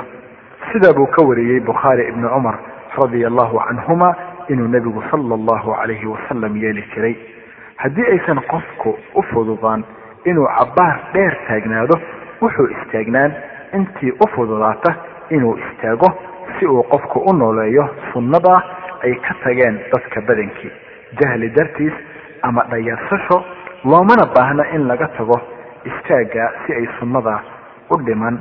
Sunnadana marka la dayaco falkeeda waa sii sugnaan oo baahida in la nooleeyo weynaan si qofka uu u kulmiyo ajarkeeda iyo ajarka ku faafinteeda dadka dhexdiisa. Dhagax tuurashada maalmahan waxaan ula jeednaa maalmaha tashriiqa yacni maalmaha koo iyo tobanaad laba-iyo tobanaad iyo saddex iyo tobanaad. Ma banaana in la tuurto waxaan ahayn wixii ka dambeeya markii ay qoraxdu ka gudubto duhurka. Waayo nebigu sala allahu calayhi wasalam ma tuuran duhurka dabadii ma ahee wuxuuna yidhi lita'khuduu canii manaasikakum jaabir radia allahu canhu wuxuu yidhi nebigu sala allahu calayhi wasalam maalintii gowraca tobanaadkii dhagax tuurka barqadii buu tuurtay maalmihii dambese duhurkii dabadii buu tuuranayay muslim baa wariyey. Sidaa bayna yeeli jireen asxaabtii nebiga sala allahu calayhi wasalam waxaa la weydiiyey cabdullaahi bni cumar goormaad tuuran jirteen dhagaxa maalmaha tashriiqa? Wuxuu yidhi waxaan dhowri jirnay markay qoraxdu ka gudubto duhurka markay gudubtana waxaan bilaabi jirnay tuurashada. Haddii uu dhagax tuurtana jamaraadka maalinta labaiy tobanaad ee xajka markaa wuu u dhammaaday waajibkii xajka oo qofku akhyaar buu leeyahay. Haddii uu doono wuxuu u joogi karaa maalinta saddex-iyo tobanaad oo wuxuu ku dhagax tuuri jamaraadka duhurka dabadi haddii uu doonana wuu tegi oo ka caraabi mina galabnimada intuusan gabalka dhicin. Wuxuu alla yidhi subxaanahu wa tacaala faman tacajala fii yowmayni falaa isma calayh waman ta'ahara falaa isma calayh taasoo macnaheedu yahay kii kastoo degdega si uu u taga laba maalmood gudahood ma jiro wax dembi ah oo saaran kii kastoo joogaana ma jiro wax dembi ah oo saaran haddii ay ujeedadiisu tahay inuu falaa wanaag adeecana allah ka cabsada allah oo ogaada in hubaashii la idiin soo kulmin doono xaggiisa alle. In loo joogo maalinta saddex-iyo tobanaad baana sii wanaagsan waayo sidaa buu yeelay nabigeenii sala allahu calayhi wasalam waana khayr iyo camal sanbadsi waayo wuxuu ku hoyan oo barya mina oo ku dhagax tuuri jamaraadka maalin dheeri ah maalinta saddex iyo tobanaad. Waxaa halkan ah masalo aan rabno inaan dadka ku baraarujino waxaana weeye in dadka qaar moodo in qowlka alle faman tacajala fii yowmayni inuu soo gelayo maalinta ciidda sidaa darteed ku banaysan inuu baxo maalinta koo iyo tobanaad. Sidaasina waa khalad ayaan cidno oran ka mid ah ahlu cilmiga. Dhinaca kale hadday qoraxdu dhacdo maalinta labiyo tobanaad intuusan ka bixin mina markaasina waa inuusan ka bixin mina oo uu joogo maalinta saddex iyo tobanaad. Waayo alle subxaanahu watacaala wuxuu yidhi faman tacajala fii yowmayn marka wuxuu ku soo koobay tacajulka laba maalmood. Inta maalinimada ay tahay. Sida awgeed haddii ay labadaa maalmood dhammaadaan waxaa baxay waktigii tacajulka maalintuna waxay ku dhammaataa dhicidda qoraxdeeda waxaana ku yaal muwada ah oo naafic laga wariyey in cabdullaahi ibni cumar radia allahu canhuma uu oran jiray qofkii gabolka u dhaco maalinta labiyo tobanaad ee xajka isagoo mino jooga waa inuusan tacajulin oo bixin ilaa uu ku dhagax tuurto jamaraadka maalinta saddex iyo tobanaad. Laakiinse haddii uu gabolka u dhaco maalinta labiyo tobanaad si aan akhyaarkiisa ahayn sida inuu isu diyaariyo bixid oo alaabtiisa xirxirto oo ugu dibdhaco mina ciriiriga gawaarida darteed iyo wax la mid a markaas wuu bixi waxna ma saarna xitaa hadday qoraxdu dhacdo intuusan ka bixin mina. Cid wakiilashada dhagax tuuridda dhagax tuurashada waa waajib ka mid ah waajibyada xajka iyo qayb ka mida qaybihiisa. Sidaa darteed waxaa ku waajiba xaajiga inuu isaga naf ahaantiisa dhagax tuurto haddii uu kari karaba. Haddii uu xajkaa yahay farad ama sunno naafila wuxuu alla yihi subxaanahu wa tacaala wa atimu alxaja waalcumrata lilah uguta si wanaagsan dhammaan manaasigta xajka iyo cumrada si waafaqsan sunnada nebiga sala allahu calayhi wasalam idinkoo u yeelaya alla dartii. Sidaa awgeed haddii uu qofku guda galo howle xaj ama cumro waa inuu dhammaystiraa xitaa haddii ay sunno nafal yihiin. Umana banaano xaajiga inuu wakiisho qof u tuuro dhagaxa inuusan awoodin ma ahe sida inuu xanuunsan yahay qofka ama da' yahay ama ilman yar yahay iyo wax la mid ah. Markaas wuxuu wakiilan qof uu ku kalsoon yahay cilmigiisa iyo diintiisa si uu ugu tuuro waana isku mid inuu qofka wax wakiilan soo urursado quruurixyada oo u dhiibo wakiilka ama inuu wakiilka u soo qaado oo u tuuro qofkii soo wakiishay sida uu ugu tuurayo qofka la soo wakiishay wakiilkiisa waa inuu wakiilka marka hore u tuuro naftiisa toddoba dhagaxood oo quruuraxa kadib wuxuu u tuuri qofka soo wakiishay. Markaa kadib isagoo niyadda ku qeexi ama isku dari niyadda uu ku cayimo iyo ku dhawaaqidba magaciisa. Waxbana kuma jabna inuu isaga iyo qofkii soo wakiishay uu isla meeshii uu taagnaa uga wada tuuro. Wuxuu ku dhagax tuuri jamarada koowaad toddoba dhagax oo quruurax ah. Wuxuu ka tuuri naftiisa marka hore kadibna qofkii soo wakiishay buu u tuuri toddoba dhagax sida oo kale buuna yeeli jamrada dhexe kadibna jamrat alcaqaba jamrada weyn. Dawaafka sagootinta oo ah dawaaful wadaac haddii uu xaajigu ka baxo mina oo uu dhammaysto dhammaan howlaha xajka uuna goosto inuu u dhoofo beledkiisa markaas ma baxayo jeer uu ku dawaafo kacbada toddoba wareeg umana baahna sacyi dabadood. Waayo nebigu sala allahu calayhi wasalam wuu dawaafay markii uu damcay inuu ka socdaalo maka wuxuuna yidhi lita'khuduu canii manaasikakum. Waana inuu dawaaf ku noqdaa waxa ugu dambeeya ee uu ku sameeyo maka ibni cabaas radia allahu canhuma wuxuu yidhi dadka waxaa la amray inay markay ka ambabaxayaan ay kacbada sagootiyaan oo ku dawaafaan dawaaful wadaac haweenka caadada qaba marka laga reebo. Bukhaari iyo muslim baa wariyey. Caaishana radia allahu canha waxay tiri waxay caadadii ku dhacday safiya binta xuyayin markii ay soo gudatay dawaafka waajibka. Waxay tiri caaisha waxaan u sheegay inay caadadii ku dhacday rasuulkii alle sala allahu calayhi wasalam wuxuu yidhi ma waxbaa u haray? Waxay tiri rasuulkii alle waa ay dawaaftay dawaafkii waajibka oo kadib caado ku dhacday markii ay dawaaftay kadib. Wuxuu yidhi nebigu sala allahu calay wasalam haddaba ha baxdo. Haweenka dhiigga umasha qabana waa sida kuwa ay caadadu ku dhacday waayo dawaaf kama ansaxayo. Acmaasha xajka oo kooban camalka maalinta koowaad waa maalinta sideedaad ee xajka. Kow wuxuu ka xiran meeshiisa. Waa haddii uu maka joogo ama hareeraheeda ama wuxuu ka soo xiran miiqaadka kadib markii uu qubaystay oo is-udguyey oo uu labistay dharkii ixraamka. Wuxuuna odhan marka uu xiranayo labayka xajan labayk allahuma labayk labayka laa shariika laka labayk ina alxamda walnicmata laka walmulk laa shariika lak labo wuxuu aadi mina oo joogi ilaa ay qoraxdu ka soo baxdo maalinta sagaalaad. Wuxuuna ku tukan duhurka maalinta sideedaad iyo casarka iyo maqribka iyo cishaha iyo salaada fajar. Salaad kasta wuxuu tukan waqtigeeda wuxuuna soo gaabin oo laba ragcadood ku soo koobi.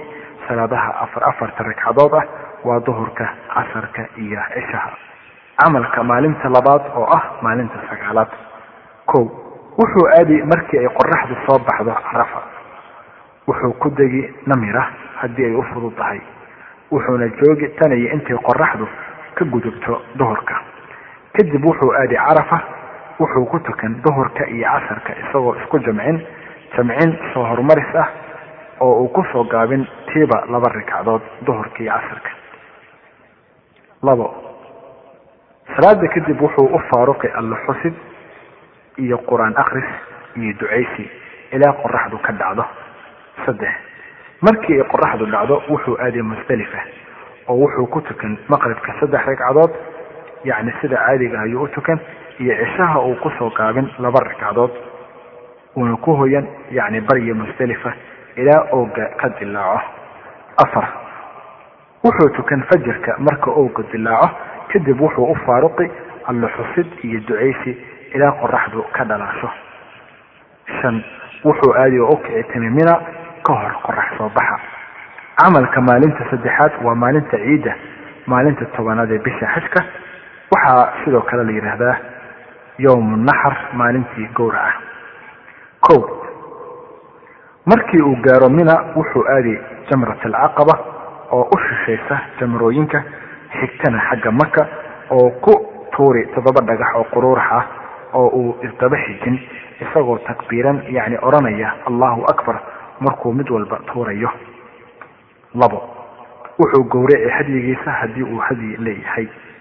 Saddex wuxuu xiiri timihiisa ama gaabin. Sidaabayna wixii ka caaganaa ugu banaanaanayaan waxaana la yidhaahdaa tan ataxallul alawal xarmasho furadii koowaad. Markaasuu labisan dharkiisa oo is-udgin oo ay u banaanaanayaan wixii kaga caaganaa oo dhan xarmashada yani xirashadii xajka haweenka ma ahe yani lama galmoon karo xaaskiisa oo uma tegi karo. Afar wuxuu u degay maka oo ku dawaafi kacbada dawaafka waajibka. Waxaa sidoo kale la yidhaahdaa dawaaful ifaada waana dawaafkii xajka wuxuuna ku socon yani sacyin safa iyo marwa dhexdooda xajka liajligii haddii uu mutamatac ahaa ama haddii uu ahaa mufrid ama qaarin aan horay ula sacyin dawaafkii imaanshaha kacbada dawaafulquduum sidaa bay ugu xalaaloobayaan wixii ka cagana oo dhan waxaana la yidhaahdaa ixraam furidan ataxallul athani taxallulka labaad. Waxaana sidaa ugu banaanaanhaya wixii ka cagana oo dhan xitaa haweenkiisa yacni wuu u tegi karaa oo galmoon karaa xaaskiisa. Shan wuxuu u noqonayaa mina oo ku hoyan habeenka koob iyo tobanaad. Camalka maalinta afraad waa maalinta koob iyo tobanaad ee xajka kow wuxuu ku dhagax tuuri saddexda jamaraad. Marka hore tan koowaad haddana tan dhexe haddana jamrada caqaba mid walbaa wuxuu ku tuuri toddoba dhagax oo quruurax ah oo la isku xijin isagoo la takbiirsan yacni odhanaya allahu akbar markuu dhagax walba tuurayo. Wuxuu tuuran markay qoraxdu ka gudubto duhurka mana banaana in la tuurto ka hor. Waxaana la ogaan in loo istaago duco kadib jamrada koowaad iyo labaad labo wuxuu ku baryay hoyan mina habeenka labiyo tobanaad. Camalka maalinta shanaad waa maalinta labiyo tobanaad.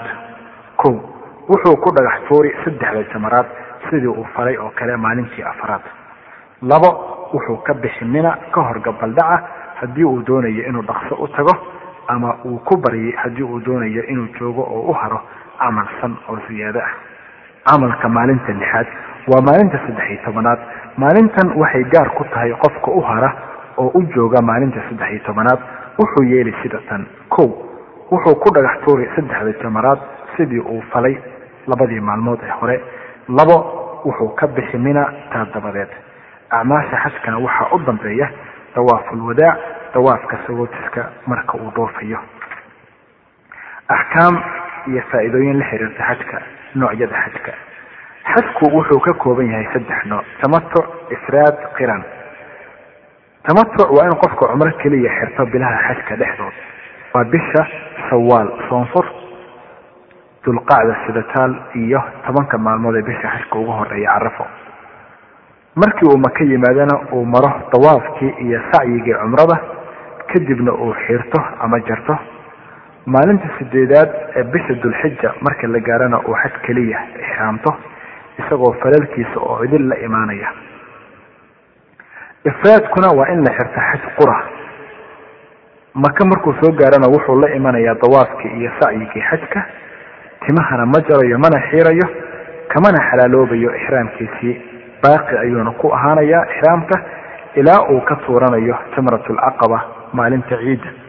Dhibaatana kuma sugna inuu sacyiga dib u dhigo ilaa uu la imanayo dawaafka xajka qiraankuna waa in la ixraamto cumro iyo xaj wada jira ama marka hore cumro keliya la ixraamto kadibna xaj lagu daro inta aan cumrada dawaafkeeda la gelin ruuxa qiraanka doonayana wuxuu la imaanayaa falalka uu la yimaado ruuxa xajka keliya ixraamtay ifraad. Wuxuuse kaga duwan yahay xoolaha hadyiga ah oo uu qalayo halka ruuxa xajka keliya ixraamtay aan hadyigu ku waajibayn waxaana saddexda nooc ugu fadli badan tamatuca waana habkii uu nebigu asxaabtiisii amray kuna booriyey. Waxaana dadka lagu adkeeyey inay xajkooda u bedelaan tamato iyagoo horay u ixraamtay qiraan iyo ifraad. Dawaafkii iyo sacyigiina maray sababtoo ah nebigu sala allahu calayhi wasalam sannadkii xajatulwadaac markii uu dawaafka iyo sacyiga la yimid isaga oo asxaabtiisu la socdaan ayuu wuxuu amray qof kasta oo aan hadyi wadan inuu xajkiisa cumro u bedelo timahana jarto isla markaana uu xalaaloobayo oo ay u xalaal noqonayaan wax kasta oo ixraamka dartiis xaaraan uga ahaa rasuulkana sala allahu calayhi wasalam wuxuu yidhi haddii aanan hadyiga soo kaxeeyeen waxaan yeeli lahaa sida aan idin amray oo kale. Meelaha laga soo xiranayo xajka iyo cumrada. Shan meelood ayaa loo xadiday in laga soo xirto xajka iyo cumrada waxayna kala yihiin sidan. Kan koowaad waa dalxulayfa waxaana ka soo xiranaya reer madiina kan labaadna waa jucfa oo ah tuulo baabaaday oo raabiq u dhow. Haddii raabiq qudheeda laga ixraamtana dhibaato kuma sugna waxaana ka soo xiranaya reer shaam. Kan saddexaadna waa qarnulmanaasil waxaana hadda loo yaqaan sayl waxaana ka soo xiranaya reer najdi. Kan afaraadna waa yalamlam waana halka ay ka soo ixraamanayaan yamantu waana halka ay soomaalida iyo dowladaha la dariska ahiba ka soo ixraamtaan kan shanaadna waa daatu cirq waxaana ka soo ixraamanaya reer ciraaq meelaha aan soo sheegnay dadka ka shisheeya waxay ka soo ixraamanayaan miiqaadka dariiq ahaan ugu aadan marka ay maka u kicitimayaan waxaana habboon ruuxii duyuurad soo raacaya inuu xajka ama cumrada xirashadooda isu diyaariyo. Inta aanu duyuuradda soo korin oo uu soo qubaysto labadii go-na soo xidho kadibna markay duyuuraddu miiqaadka u soo dhowaato uu xaj iyo cumro kii uu doonayo ixraamto. Waxaana xusid mudan in dad badani sunnadaas khilaafaan oo ay gegida duyuuradaha ee jidda ka soo degaan iyagoon soo ixraaman xajkii ama cumradii ay doonayeen. Taasina waxay waajib kaga dhigtaa inay miiqaadkii dib ugu laabtaan iyagoo gawaari kiraysanaya taasoo dadku dhibaato kala kulmaan uuna kharash badani kaga baxo. Waayo ruuxii miiqaadka soo dhaafa waxaa ku waajibaya inuu dib ugu laabto miiqaadkii soona ixraamta xaj iyo cumro kii uu doonayay. Faa-ido qofkii ixraamta xajka iyo cumrada waxaa ku waajibaya arrimaha soo socda. Kow inuu laasimo wixii ilaahay jecel yahay ee uu diintiisa ku sharciyeeyey sida salaada oo waktigeeda lagu guto jamaac ahaan iyadoo arrinkan laga doonayo qofka goor waliba. Labo inuu ka fogaado wixii ilaahay ka reebay sida fusqiga caasinimada iyo erey xumida tixraa ayadda oo allaha casiiska ku yidhi faman farada fiihina alxaja falaa rafatha walaa fusuuqa walaa jidaala fi lxaj ruuxii bilaha xajku ay soo haleelaan lama ogola xajka dhexdiisa galmood fisqi iyo murun. Saddex inuusan ku dhibin muslimiinta hadal iyo ficil toonna inta uu mashaacirta iyo meelaha kaleba ku sugan yahay afar inuu ka fogaado dhammaan waxyaabaha xajka ka reeban kuwaasoo kale ah kow inuu tamihiisa iyo cidiyihiisa wax ka gooyo wuuna iska bixin karaa haddii ay qodaxi muddo dhiigba ha ka yimaadee. Labo inuu carfiyo marka uu ixraamtay kadib dharkiisa jirkiisa cuntadiisa iyo cabitaankiisa. Ma banaan arrimahaasoo dhan kumana uu nadiifin karo jirkiisa saabuun udgoon. Dhibaatana male carafta ka hartay wixii isku udgeeyey markuu ixraaminayay saddex. Dilka ugaarta bariga ee xalaasha ah. Afar taabtaabasho ama dhunkasho haween shahwo ahaan. Shan gelitaan heshiis guur sidoo kalena naag uma dooni karo guurahaan nin kalena ugama irgoon karo. Lix labiska gacmogashiga toddobadaas qodob waxay ka dhexeeyaan ragga iyo dumarkaba. Ragga waxaa u gaara qodobadan soo socda. Ko madaxiisa ma dabooli karo. Dhibaatana kuma sugna haddii uu dallad haraysto ama uu madaxa cafashkiisa ku qaato ama uu gaari daboolan iyo khaymad ku jiro. Labo kuma labisanayo khamiis cimaamad koofiyad surwaal iyo kaba daboolan toona haddiise uu go' waayo surweelka ayuu ku labisanayaa kaba furan haddii uu waayana kaba daboolan ayuu xiranayaa saddex kuma labisanayo wixii u dhigmaya dharkii aan horey u soo sheegnay sida jaakad funaanad iyo wax la mid ah. Wuuna labisan karaa dacas ama fargashi oo kiyaalo mikrofoonka dhagaha sidoo kalena saacad wuu ku xiran karaa gacantiisa iyo luquntiisa kii uu doono. Wuxuu kaloo xiran karaa kiishad iyo kolayga saadka lagu qaato. Wayna u bannaan tahay inuu isku nadiifiyo wixii aan caraf lahayn dhibaatana kuma sugna haddii isagoo qubaysanaya uu jirkiisa ama madaxiisa xoqo oo ay timo ka go-aan isagoon ula qastin haweentuna ma xiranaysa shareerka wejiga iyo gacmogashiga sunnaduna waa inay wejigeeda faydo inay ragga ajaanibta ka ahi arkayaan mooyaane haddiise ay ragga ajaanibta ka ahi arkayaan waxaa ku waajiba inay wejigeeda asturto markay ixraaman tahay iyo marka kaleba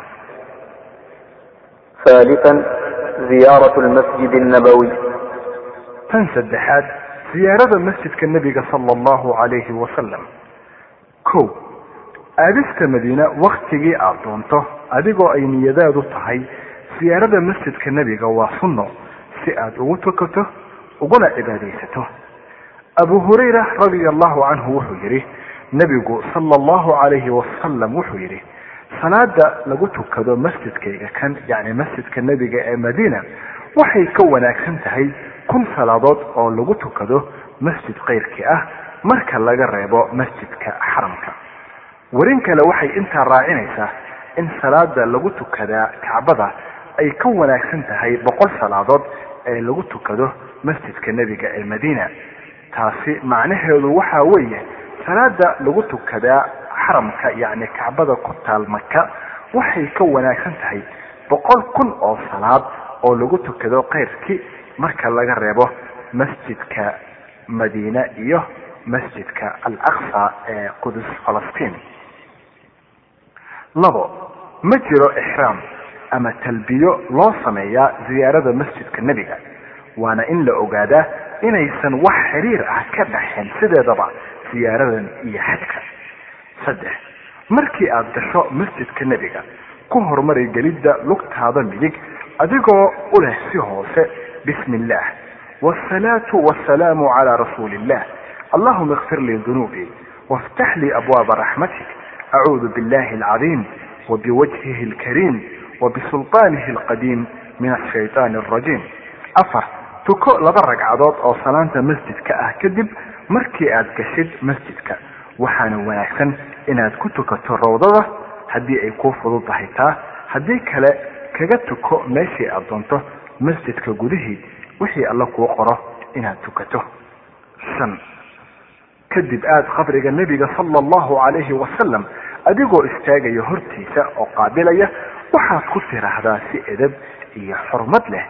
Assalaamu calayka ayuha nabiya waraxmat allahi wabarakaatuh allahuma aatihi alwasiilata walfadiilata wabcathu almaqaama almaxmuud aladi wacadtah allahuma ajzihi can ummatihi afdal aljaza taasi oo macnaheedu yahay nabadi korkaaga ha ahaato nebiyow iyo naxariista iyo barakooyinka alle. Allow sii xaqa shafeecada iyo fadliga oo u koryeel meesha wanaagsan aada u yaboohday allow ajar dhan ka sii ummadiisa. Kadib u dhaqaaq wax yar xagga midigta si aada u istaagto qabriga abubakar radia allahu canhu hortii oo waxaad dhahdaa assalaamu calayka ya abaabakar salaamu calayka ya khaliifata rasuula allah radia allahu canka wajazaaka can ummati muxamed khayra.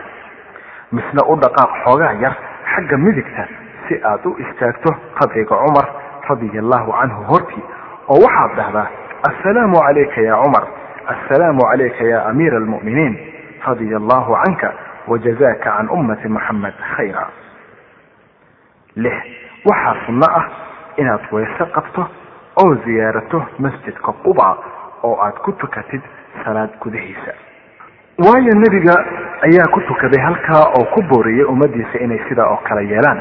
Toddoba waa sunno inaad booqato qubuurta albaqiic iyo qabriga cuthmaan radia allahu canhu iyo shuhadadii uxud iyo qabriga xamza radia allahu canhum si aad u salaamto iyagana oo ugu soo ducayso nabad iyo naxariis korkooda nebigu sala allahu calayhi wasalam wuxuu ziyaarin jiray dhammaan qubuurahan oo u duceyn jiray ahlu qubuurta. Wuxuu baray asxaabtiisa markii ay booqanayaan qubuur inay yidhaahdaan assalaamu calaykum ahla aldiyaar min almu'miniin waalmuslimiin waina in shaa allah bikum laaxiquun nas'al allaha lana walakum alcaafiya mana jiraan wax kale oo masaajidan iyo meelahan barbarkood ah oo la booqdo. Marka ha isku shuqlin siyaare iyo booqasho meelo aadan ajar ka heleen bal dembi kaa soo gaari karo. Waxaa iyadana xusid mudan inay xaaraan tahay bal dembi weyn inay haweenka u qasdaan yacni ziyaartaan oo booqdaan qabuuraha. Waayo nebigu sala allahu calayhi wasalam waa nacaladay haweenka ziyaarta qabuuraha. Haddiise qasad la'aan ay soo agmaraan haweenka qubuur muslimiin waxba kuma jabna iyagoo meeshooda ka jooga aan u qasdin inay salaamaan muslimiinta ku aasan iyagoon ku leexan qubuurta ama aan gelin. Waa hay'adda islaamka ee gargaarka soomaaliya oo idin leh naga gadooma salaan kaliya laba waxaa laga dalban karaa manshuuraadka hay'adda islaamka ee gargaarka soomaaliya b o box saddex saddex eber afar sagaal riyaad hal hal afar afar sideed telefoon iyo fax number afar shan sagaal hal labo labo lix